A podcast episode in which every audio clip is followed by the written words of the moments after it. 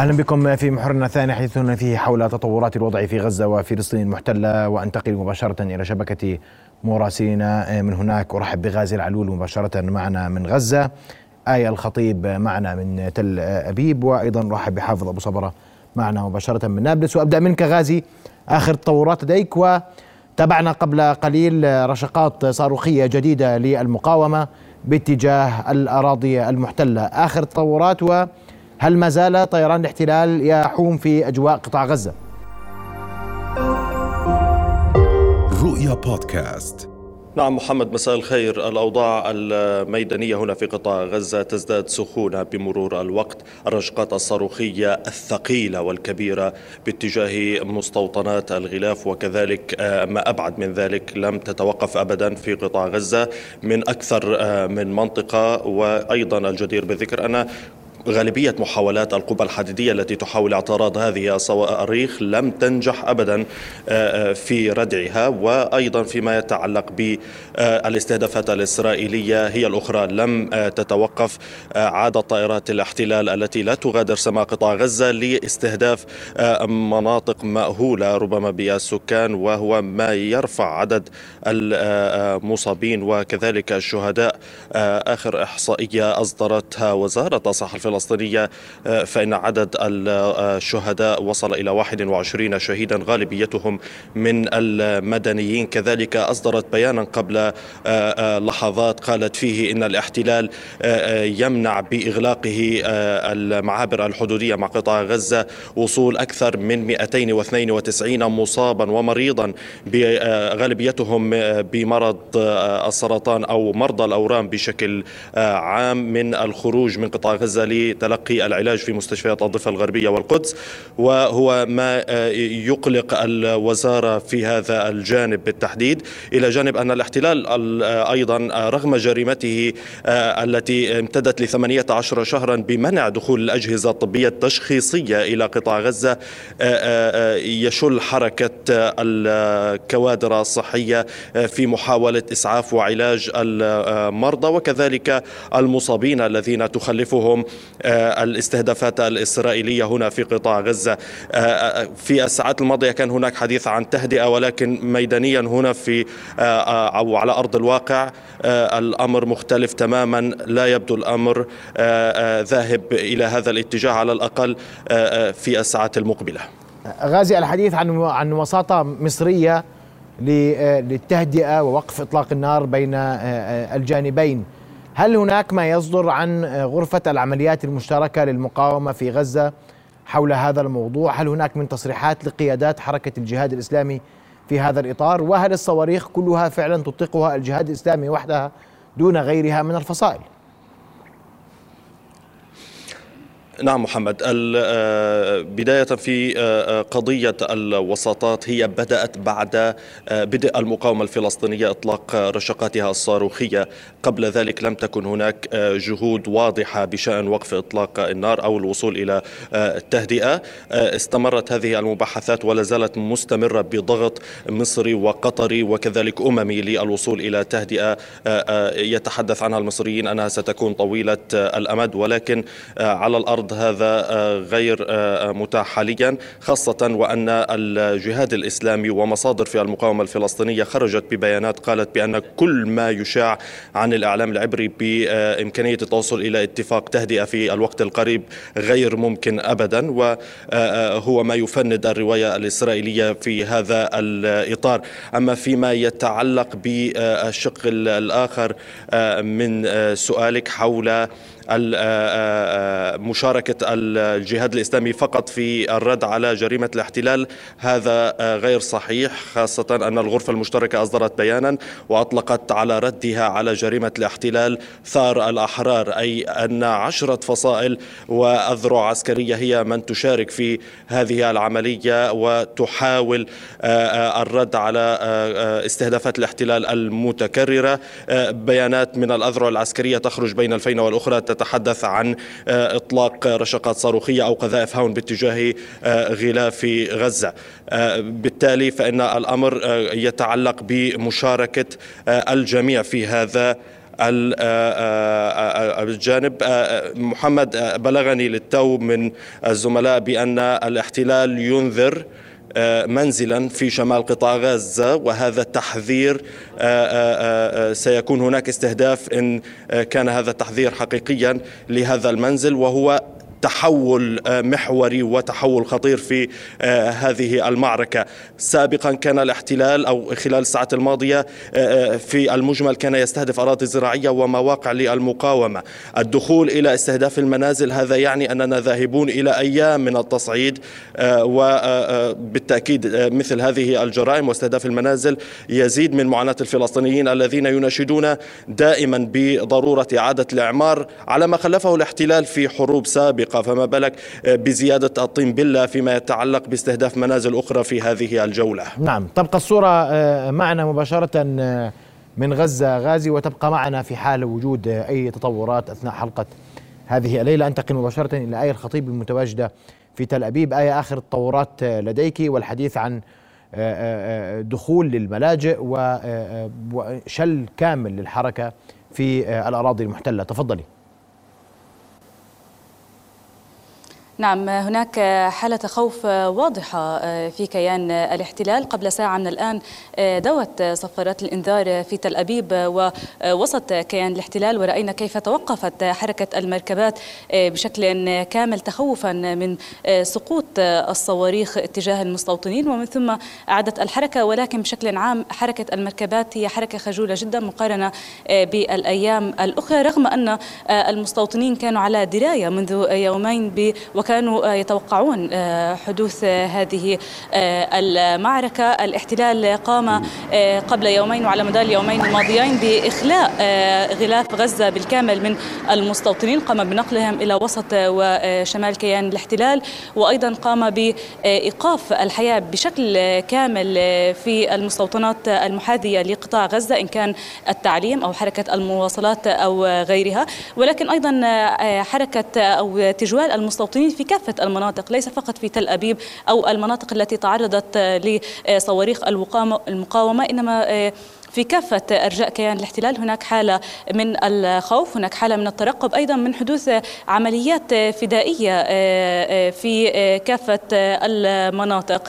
رأينا كميات كبيرة من شرطة الاحتلال والجنود منتشرة في الشوارع من مدينة القدس وصولا إلى تل أبيب. وأيضا هناك حالة ترقب ما إذا سيتم الإعلان عن تهدئة أم لا وما في حال تم الإعلان عن تهدئة هل ستسبق التهدئة جولة جديدة آه، من آه، الصواريخ. آه، بدأت الآن رغم أن الاحتلال يحاول التحفظ على المعلومات وعن الضحايا وعما يحدث داخل الكيان ولكن حتى الآن تم الإعلان عن قتيل واحد وبضعة إصابات. ولكن كما اعتدنا الاحتلال يحاول التقليل والكذب عندما يتعلق الأمر بالأضرار لدى المستوطنين وأعداد القتلى. قبل قليل آه، بدأ بدأت تسريبات تخرج الإعلام عن آه، عن آه، مساوئ القبة الحديدية وكيف أنها قامت بإطلاق مجموعة صواريخ رغم أن صواريخ رغم أنها لم لم تتعرض لقذائف من المقاومة الفلسطينية ولكن قامت بإطلاق صواريخ بشكل عشوائي. وعندما أطلقت المقاومة الفلسطينية الصواريخ لم تتمكن القبة الحديدية آه، من تصديها. إذا هناك إخفاقات واضحة آه، لكيان الاحتلال للجنود آه، ولكن الاحتلال يحاول التقليل والكذب والتضليل عندما يتعلق الأمر في حجم الأضرار لديه. نعم أشكرك آية الخطيب كنت مباشرة من تل أبيب أنتقل لحافظ أبو زبرة المتواجد في نابلس. حافظ مساء الخير. اقتحامات لقوات الاحتلال لمناطق مختلفة من الضفة الغربية. شهداء سقطوا اليوم في الضفة الغربية. ويبدو أن الجبهات كلها مفتوحة على بعضها البعض فرد متوقع من آه، سرايا القدس في فلسطين وأيضا من عرين الأسود.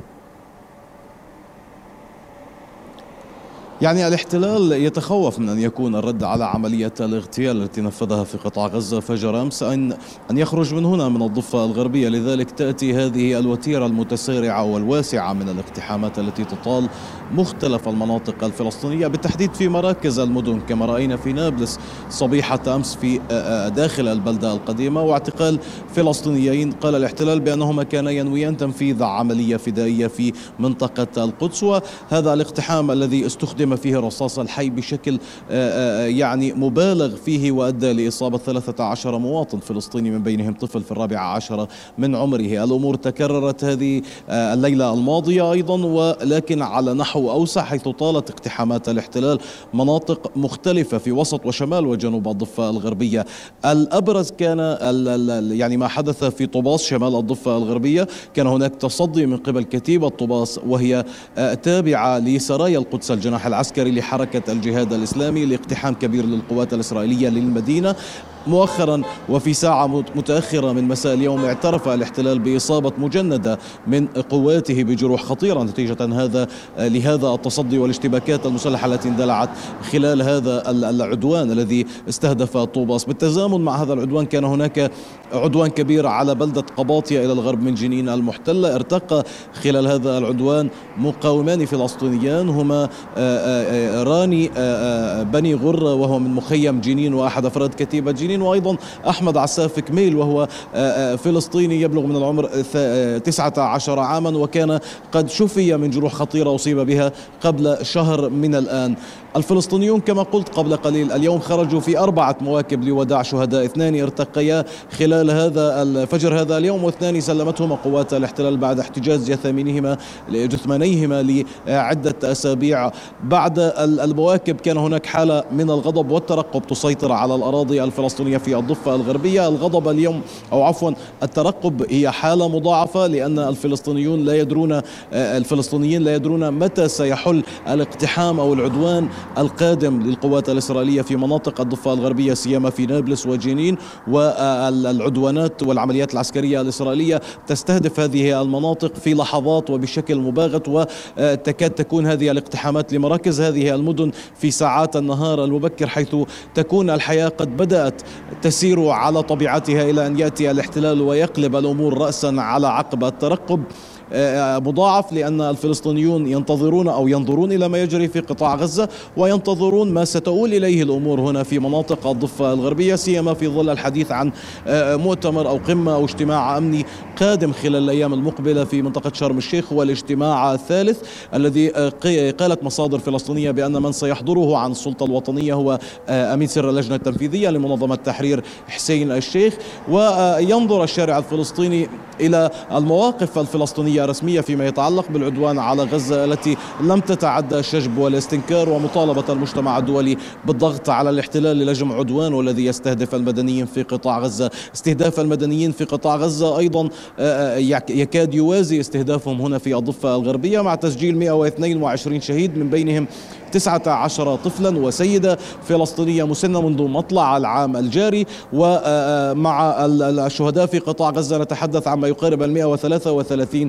شهيدا وهذا رقم كبير مقارنة بالأرقام خلال السنوات المقبلة في الشهور الخمسة الأولى حفظ. من العام يكاد يعني يزيد عن عدد الشهداء الذين ارتقوا خلال الشهور الخمسة الأولى من الأعوام الأخيرة من انتفاضة نعم. الأقصى التي انطلقت مطلع العام 2000 حافظ وأنت تتابع وتراقب ردود فعل الإعلام العبري آه، بعد الرشقات الصاروخية وكان هناك تساؤل متى سترد المقاومة؟ لم يتأخر الرد إن صح التعبير.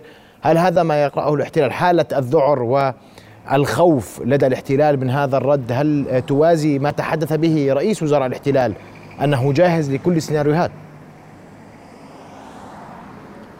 يعني اولا الاحتلال يعاني ازمته الداخليه بين الحكومة والمعارضة وحتى داخل الائتلاف الحكومي. هذا يلقي بظلاله على آه، رأي الشارع داخل الكيان المحتل. هذا اولا. ثانيا الاحتلال يعاني جراء تعمق الحالة النضالية في الضفة الغربية وامتدادها بعيدا عن جنين في عامها الأول ومن ثم بعد اعذرني حافظ. انوه اننا نتابع اعذرني حافظ. انوه اننا نتابع مباشرة آه، آه، الآن آه، رشقات صاروخية للمقاومة الفلسطينية من القبة الحديدية تعترض تحاول اعتراض صواريخ المقاومة التي عادت للانطلاق من غزة قبل لحظات. وأذكر فقط بأن هناك حديثا بأن هناك وفدا مصريا أو هناك محاولات مصرية للتدخل لعقد هدنة ما بين حركة الجهاد الإسلامي وغرفة المقاومة غرفة العمليات المشتركة للمقاومة الفلسطينية وقوات الاحتلال. وعلى ما يبدو أن هذه الهدنة لم ترى النور حتى اللحظة. أعود لك حافظ واعذرني حافظ على المقاطعة. نعم محمد نعود إلى آه، يعني ما آه، آه، سألتني عنه الشارع في داخل الكيان المحتل وتأخر الرد والرد الذي جاء يعني غير متوقع لربما. وصلت صواريخ المقاومة إلى تل أبيب. الشارع الإسرائيلي ينقسم إلى قسمين. اولا في الداخل المحتل وتأثيره لربما كبير ولكن التأثير الأكبر اليوم من المستوطنين فيما يتعلق بالمستوطنات في مناطق الضفة الغربية وهؤلاء يمثلهم أكثر ممثلين يعني أكثر المتطرفين في حكومة بنيامين نتنياهو ايتمار بنكفير بيتسليل سموتريتش ومن هم على شاكلتهم في هذا الائتلاف الحكومي من الأحزاب الدينية المتطرفة اليمنيه الذين يقودون المستوطنين في الضفة الغربية ويسعون لإشعال المنطقة. وكلنا رأينا ما حدث في حوارة وما يحدث في الخليل على طيلة الأيام والأسابيع الماضية. الاحتلال متخوف لربما أكثر من الضفة الغربية في ظل قرب الحالات النضالية الجديدة كعرين الأسود وكتيبة جنين من مناطق الحواجز العسكرية والمستوطنات من العمليات الفدائية التي جاءت على حين غرة وبشكل مباغت رغم آه، آه، حديث بنيامين نتنياهو وحتى الأجهزة الأمنية الإسرائيلية عن أن لديهم آه، معلومات استخباراتية أدت إلى يعني إخفاء الكثير من العمليات والسيطرة على منفذين كانوا تنفيذ عمليات ولكن العمليات الفدائية التي جرت مؤخرا آلمتهم. لذلك هم يتوقعون آه، آه، وإن وصلوا إلى تهدئة مع الفصائل المقاومة في قطاع غزة. لكن لربما يأتي الرد من مناطق الضفة الغربية سيما من المقاومين المنفردين. هؤلاء الذين أثروا بشكل كبير في الاحتلال وقد وقاموا بتنفيذ عمليات فدائية أوقعت عدد كبير من القتلى عدد القتلى منذ مطلع العام الجاري 19 قتيل وهو رقم كبير بالنسبة للاحتلال فيما يتعلق بالعمليات الفدائية في الضفة الغربية. من هنا يأتي نعم منوه فقط حافظ مرة أخرى نتابع هذه المشاهد المباشرة من قطاع غزة ويبدو أن قصف المقاومة وصواريخ المقاومة لا زالت تطلق باتجاه الأراضي المحتلة ويبدو أن رد المقاومة مستمر ومحاولات القبة قبة الاحتلال الرد على هذه الصواريخ مستمرة أيضا. هذه الصور المباشرة من قطاع غزة. الذي بدأ الرد على استهداف ثلاثة من قيادات حركة الجهاد الإسلامي وأسرهم فجر يوم أمس.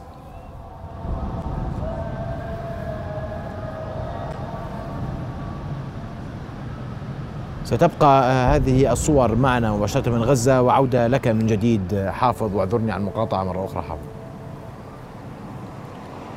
إذا يعني أخيرا محمد ما, ما أود أن أقوله بأنه ما يجري في ساحة الضفة الغربية لربما يرفع من حالة الترقب لدى الاحتلال. المجموعات المسلحة النشطة هنا منفذي أو المقاومين المنفردين الذين ينفذون عملياتهم استمرار آه، آه، فرار عدد من المقاومين الذين نفذوا عمليات فدائية خلال أسابيع سابقة. بالتحديد من نفذوا عملية حوارة الثالثة خلال شهر رمضان المبارك. لا زالوا طلقاء والإحتلال لم يستطع الوصول لم يستطع الوصول الوصول إليهم. هذا يؤثر بشكل كبير على آه، مجرى الأمور هنا في الضفة الغربية. ولو توصلت كما قلت فصائل المقاومة آه، إلى هدنة مع الاحتلال بوساطات مصرية وقطرية وأممية فإن حالة الترقب ستعود إلى هنا إلى أراضي الضفة الغربية. ويعني أعتقد بأنه بنكفير سيحاول مجددا الضغط على نتنياهو للقيام بحملة وعملية عسكرية كبيرة تستهدف المدن الفلسطينية في شمال الضفة الغربية. وهذا ما كان ينادي به قبيل البدء بالعدوان على قطاع غزة باغتيال ثلاثة من قيادات الجهاد الإسلامي. حالة الضغط والتوتر في الضفة الغربية عالية منذ مطلع أيار الجاري سيما مع ارتقاء الشيخ خضر عدنان داخل سجون الاحتلال بعد 86 يوم من الإضراب عن الطعام. نعم أشكرك كل الشكر مراسلنا حافظ أبو صبرك كنت معنا مباشرة آه، من نابلس. أعود مباشرة إلى الصور المباشرة من قطاع غزة. هذه الصورة التي ستبقى معنا الليلة لمتابعة آخر التطورات هناك وعمليات القصف كانت لا تزال مستمرة منذ لحظات من الآن. سنعود ونواصل حوارنا مع دكتور سعد النمر أستاذ العلوم السياسية. مباشرة سيكون معنا من رام الله وأيضا سينضم الدكتور أيمن الرفاتي المحلل السياسي للحديث حول ما يحدث والتطورات المتوقعة خلال الساعات والأيام المقبلة. فاصل ثم نواصل. القومان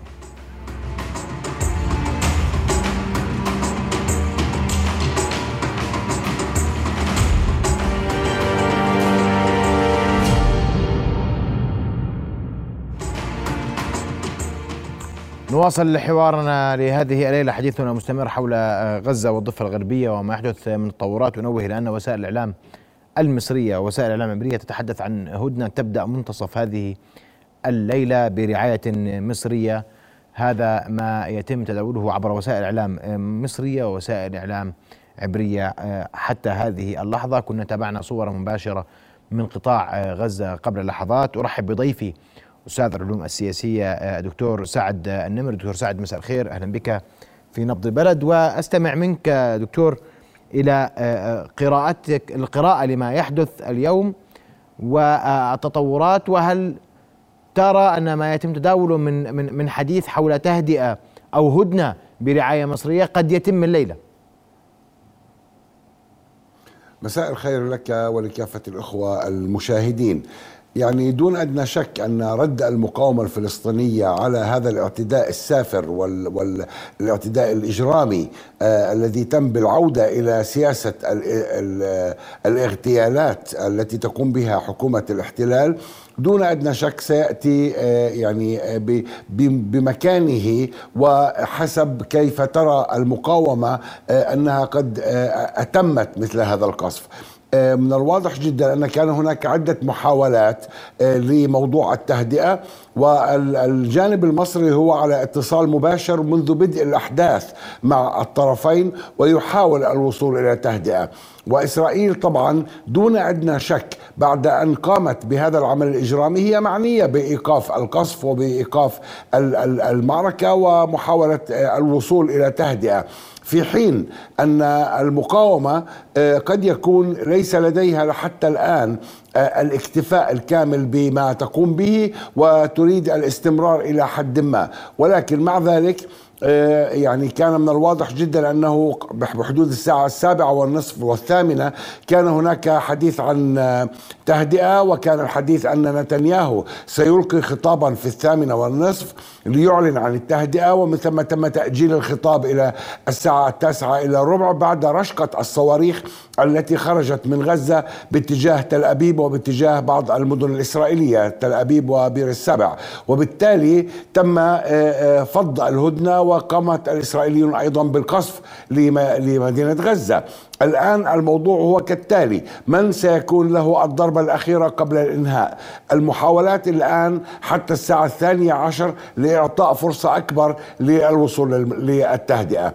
دون أدنى شك أن إسرائيل معنية جدا بالتهدئة وهم يعلمون جيدا أنهم غير مهيئين لحرب طويلة المدى رغم التبجحات الإسرائيلية ولكن جبهتهم الداخلية أضعف بكثير مما يحاولون تصويره. وبالتالي وبالتالي هم ليسوا معنيين بحرب طويلة الأمد أو حرب قد تجر لاحقا إضافات إلى الجبهات مثل جبهة الضفة الغربية وبدء العمليات من الضفة الغربية أو أيضا من لبنان لأن هناك بعض القوى الفلسطينية تتمركز في لبنان وفي بعض أجزاء من سوريا والتي سبق وأن قصفت القواعد الإسرائيلية من تلك الحدود. وبالتالي الإسرائيليون غير معنيون بالإستمرار ويحاولون إنهاء الموضوع بأي شكل من الأشكال.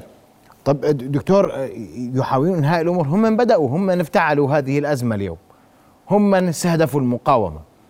وكان الحديث وكان هناك اعتماد نعم على أن غرفة المقاومة لن تكون موحدة يبدو أن غرفة المقاومة موحدة، الحديث أيضا أن كل من سيتدخل في في الرد على هذه الهجمات سيكون مستهدفا والتهديد المباشر لقيادات حركة حماس في غزة وترجيح وتوقع رد من الضفة الغربية كل هذه الأمور كانت في حسبان الاحتلال عندما وجه الضربة فاليوم لماذا ينسحب يعني نستطيع القول أن هذا الاحتلال آه، يعني آه، لا يفكر بعض الأحيان إلا بطريقته العنجهية. آه، نود أن نذكر هنا أن أيضا هناك كانت أزمة داخلية إسرائيلية كبيرة جدا ما بين بن كفير وما بين نتنياهو. بن كفير الذي قاطع اجتماعات الحكومة وقال أنه سيقاطع اجتماعات الكنيست وبالتالي كان يهدد بشكل أو بآخر بإسقاط حكومة نتنياهو. وبالتالي آه، آه، ما كان يطلبه هو أن الرد الذي حصل على إطلاق الصواريخ من غزة بعد استشهاد خضر عدنان لم يكن كافيا وكان ضعيفا واتهم نتنياهو بأنه جبان وأنه غير قادر على الرد على غزة. وبالتالي يعني كان أمام نتنياهو سيناريو جدا سيء فيما يتعلق بطبيعة حكومته. وبالتالي كان يريد مثل هذه العملية حتى يرضي كافة الأطراف في حكومته. هذا من جانب. من جانب آخر يعني كم مرة كان هناك تهدئة ما بين غزة وإسرائيل؟ نحن نتحدث عن مئات المرات ومئات الأحداث وتدخلات دولية لإنهاء القصف وإيقاف المعركة وإيجاد نوع من التهدئة. كل مرة كانت إسرائيل هي التي تخرق هذه التهدئة. وبالتالي حتى لو كان هناك تهدئة اليوم لا نستبعد أنه غدا ستقوم إسرائيل بعملية أخرى آه، ضد غزة أو ضد أي مكان آخر مما يستدعي ردا في المقابل. لذلك المقاومة الفلسطينية تتريث في في موضوع الرد والموافقة على والموافقة على الهدنة بشكل مباشر الآن. نعم. آه، دكتور أيمن الرفاتي مباشرة معنا من غزة. دكتور أيمن آه، آه، أسمع تعقيبك على ما يحدث في غزة اليوم وهل تتوقع أن ترى الهدنة النور هذه الليلة؟ نعم بسم الله الرحمن الرحيم. تحيتي لكم ولضيفكم الكريم وللمشاهدين الكرام. يعني لا شك أن المقاومة الفلسطينية اليوم تخوض يعني ملحمة بطولية في وجه هذا الاحتلال لتواجه سياسته وسياسة عودة الاغتيالات. وهذا يعني تحدي كبير أمام المقاومة الفلسطينية. تجد ان يجب أن تكون أمامه واقفة بكل حزم وبكل آه، قوة. وهذا ما شاهدناه اليوم من خلال الصراعات الصاروخية آه، التي ضربت الكثير من المناطق في دولة الاحتلال والتي وصلت مدايات تصل إلى تقريبا يعني إلى 70 و80 كيلو متر بعيدا عن قطاع غزة وضربت مناطق آه، المركز في دولة الاحتلال وخاصة تل أبيب وريشون لتسيون وبيت شيمش وهذه المناطق المهمة داخل دولة الاحتلال. يعني لا شك أنه حتى الوقت الحالي ما زالت الصواريخ يعني تطلق من قطاع غزة تجاه مستوطنات الاحتلال وما زال قصف الاحتلال على آه، قطاع غزة متواصلا وما زالت الاستهدافات متواصلة. وأيضا قبل قليل كان التصريح من آه، بنيامين نتنياهو رئيس وزراء الاحتلال ومن آه، وزير الجيش يؤاف جالنت الذين قالوا بشكل واضح بأن المعركة متواصلة ولم تنتهي في قطاع غزة. وهذا يعطي مؤشرا على أن الجهود التي بذلت خلال الساعات الماضية من قبل الوسطاء للتوصل لتهدئة بين المقاومة الفلسطينية وبين الاحتلال ربما لم تصل لمرحلة النضوج وربما تحتاج إلى مزيد من الوقت ومزيد من الجهود لتثبيتها ولإمكانية التوصل إلى آه، قرار أو وقت يتم من خلاله وقف إطلاق النار. آه، لكن الواضح أن المقاومة الفلسطينية وتحديدا حركة الجهاد الإسلامي ما زالت متواصلة آه، في الردود على الجريمة التي استهدفت ثلاثة من كبار آه، قادتها وربما هي ليست بصدد إنهاء المعركة خلال الساعات الحالية. ربما آه، تحتاج إلى وقت أطول من هذا حتى تثبت للاحتلال أن ما قام به هو جريمة آه، كبيرة جدا وأنه لن تسمح له بتكرار مثل هذا الأمر، لكن القضية الأهم في هذا الأمر هو أن المقاومة الفلسطينية وفصائل المقاومة الفلسطينية تدرك جيدا أن هذه المعركة قد فرضت عليها من الاحتلال وهو من حدد موعدها ومن نفذ الضربة الأولى وهو من يعني تجهز لها جيدا. وبالتالي الاستمرار بهذه المعركة يجب أن يتم إعادة تدارسه وإمكانية تدارس معركة أخرى في وقت آخر وأن يكون من ضمن أهداف تلك المعركة الرد على جريمة الاغتيال التي نفذت في قطاع غزة. وخاصة فيما يتعلق بالانتهاكات أن هنالك خلال الفترة المقبلة توعدات بانتهاكات جديدة تجاه المسجد الأقصى من خلال مسيرة الأعلام ومحاولات اقتحام المسجد الأقصى وهذا ربما أمر لا تريد دولة الاحتلال أن تكون هنالك معركة جديدة تحت عنوان مدينة القدس. لانها تدرك أن تكرار معركة سيف القدس التي جرت في العام 2021 ستضر بها كثيرا وستؤثر عليها كما أثرت معركة سيف القدس وأضرت بها وحققت للمقاومه الفلسطينية انجازات على المستوى الداخلي وعلى المستوى الاستراتيجي.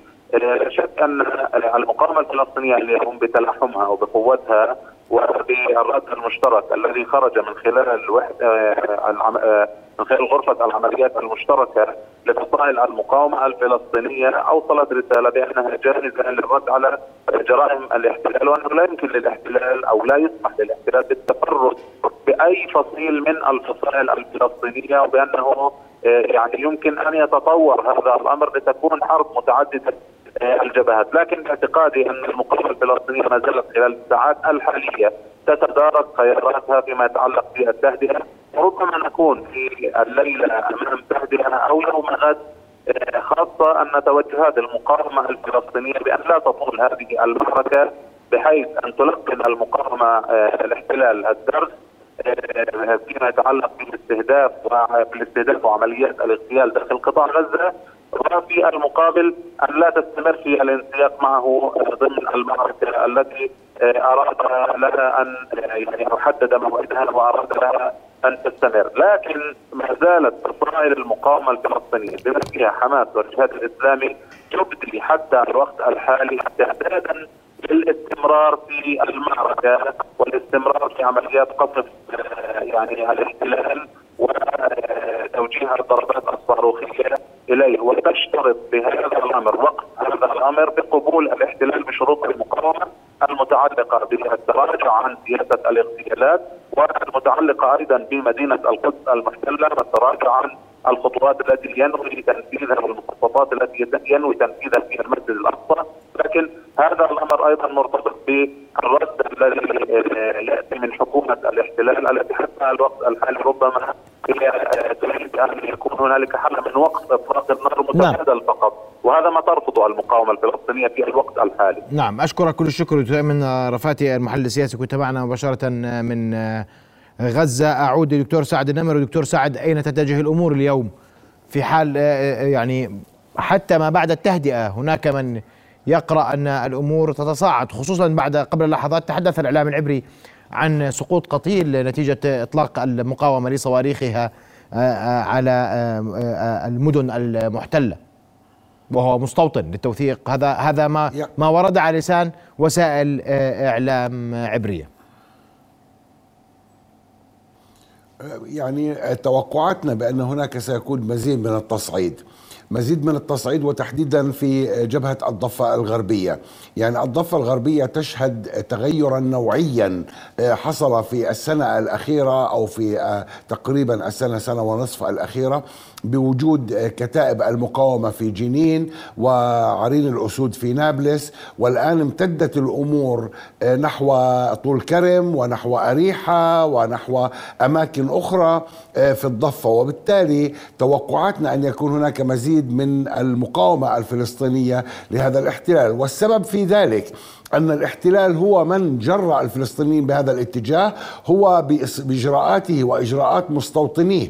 في الضفة الغربية دون أدنى شك هو يدعو الفلسطينيين لمقاومته لأن الفلسطينيين قد أدركوا أنه لا يوجد هناك أي محاولة للحلول وهذا الاحتلال لا يسعى لمحاولة الحلول أو وضع حد للوضع القائم إلا من خلال المقاومة. وبالتالي نحن نعتقد أن الفترة القريبة القادمة ستكون حبلى أيضا بمزيد من التصعيد ومزيد من العمليات الفلسطينية وبالتالي مزيد من الاقتحامات الإسرائيلية الاسرائيليه والإجراءات الإسرائيلية ضد الفلسطينيين.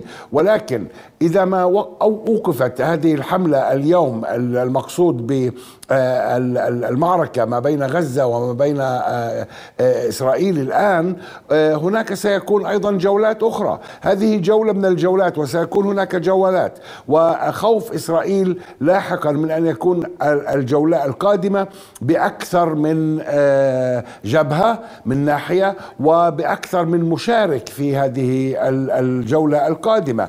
لذلك ليس فقط الضفة الغربية وهم يسعون الآن للقضاء على كافة بؤر المقاومة في الضفة الغربية ومحاولة إسكات المقاومة في غزة ولكن يعني الأمور تتجه باتجاه ليس في صالح إسرائيل بالمطلق لا سيما وأن أكثر من محلل سياسي إسرائيلي تحدث على أن حربا طويلة الأمد مع إسرائيل تزيد عن الأسبوعين فما فوق إسرائيل في الجبهة الداخلية غير جاهزة لمثل هذه المعركة. فإذا ما استمرت معركة من هذا النوع دون أدنى شك سيكون ضد المصالح الإسرائيلية بشكل واضح. نعم. أشكرك كل الشكر دكتور سعد النمر أستاذ العلوم السياسية. كنت معنا مباشرة من استديوهاتنا في رام الله. إذا في حلقة الليلة تحدثنا عن حادث السير المؤسف و الذي سقط نتيجته وفيات في طريق البحر الميت. وأيضا تحدثنا عن تطورات الوضع في قطاع غزة مع شبكة مراسينا وضيوفنا. رؤيا بودكاست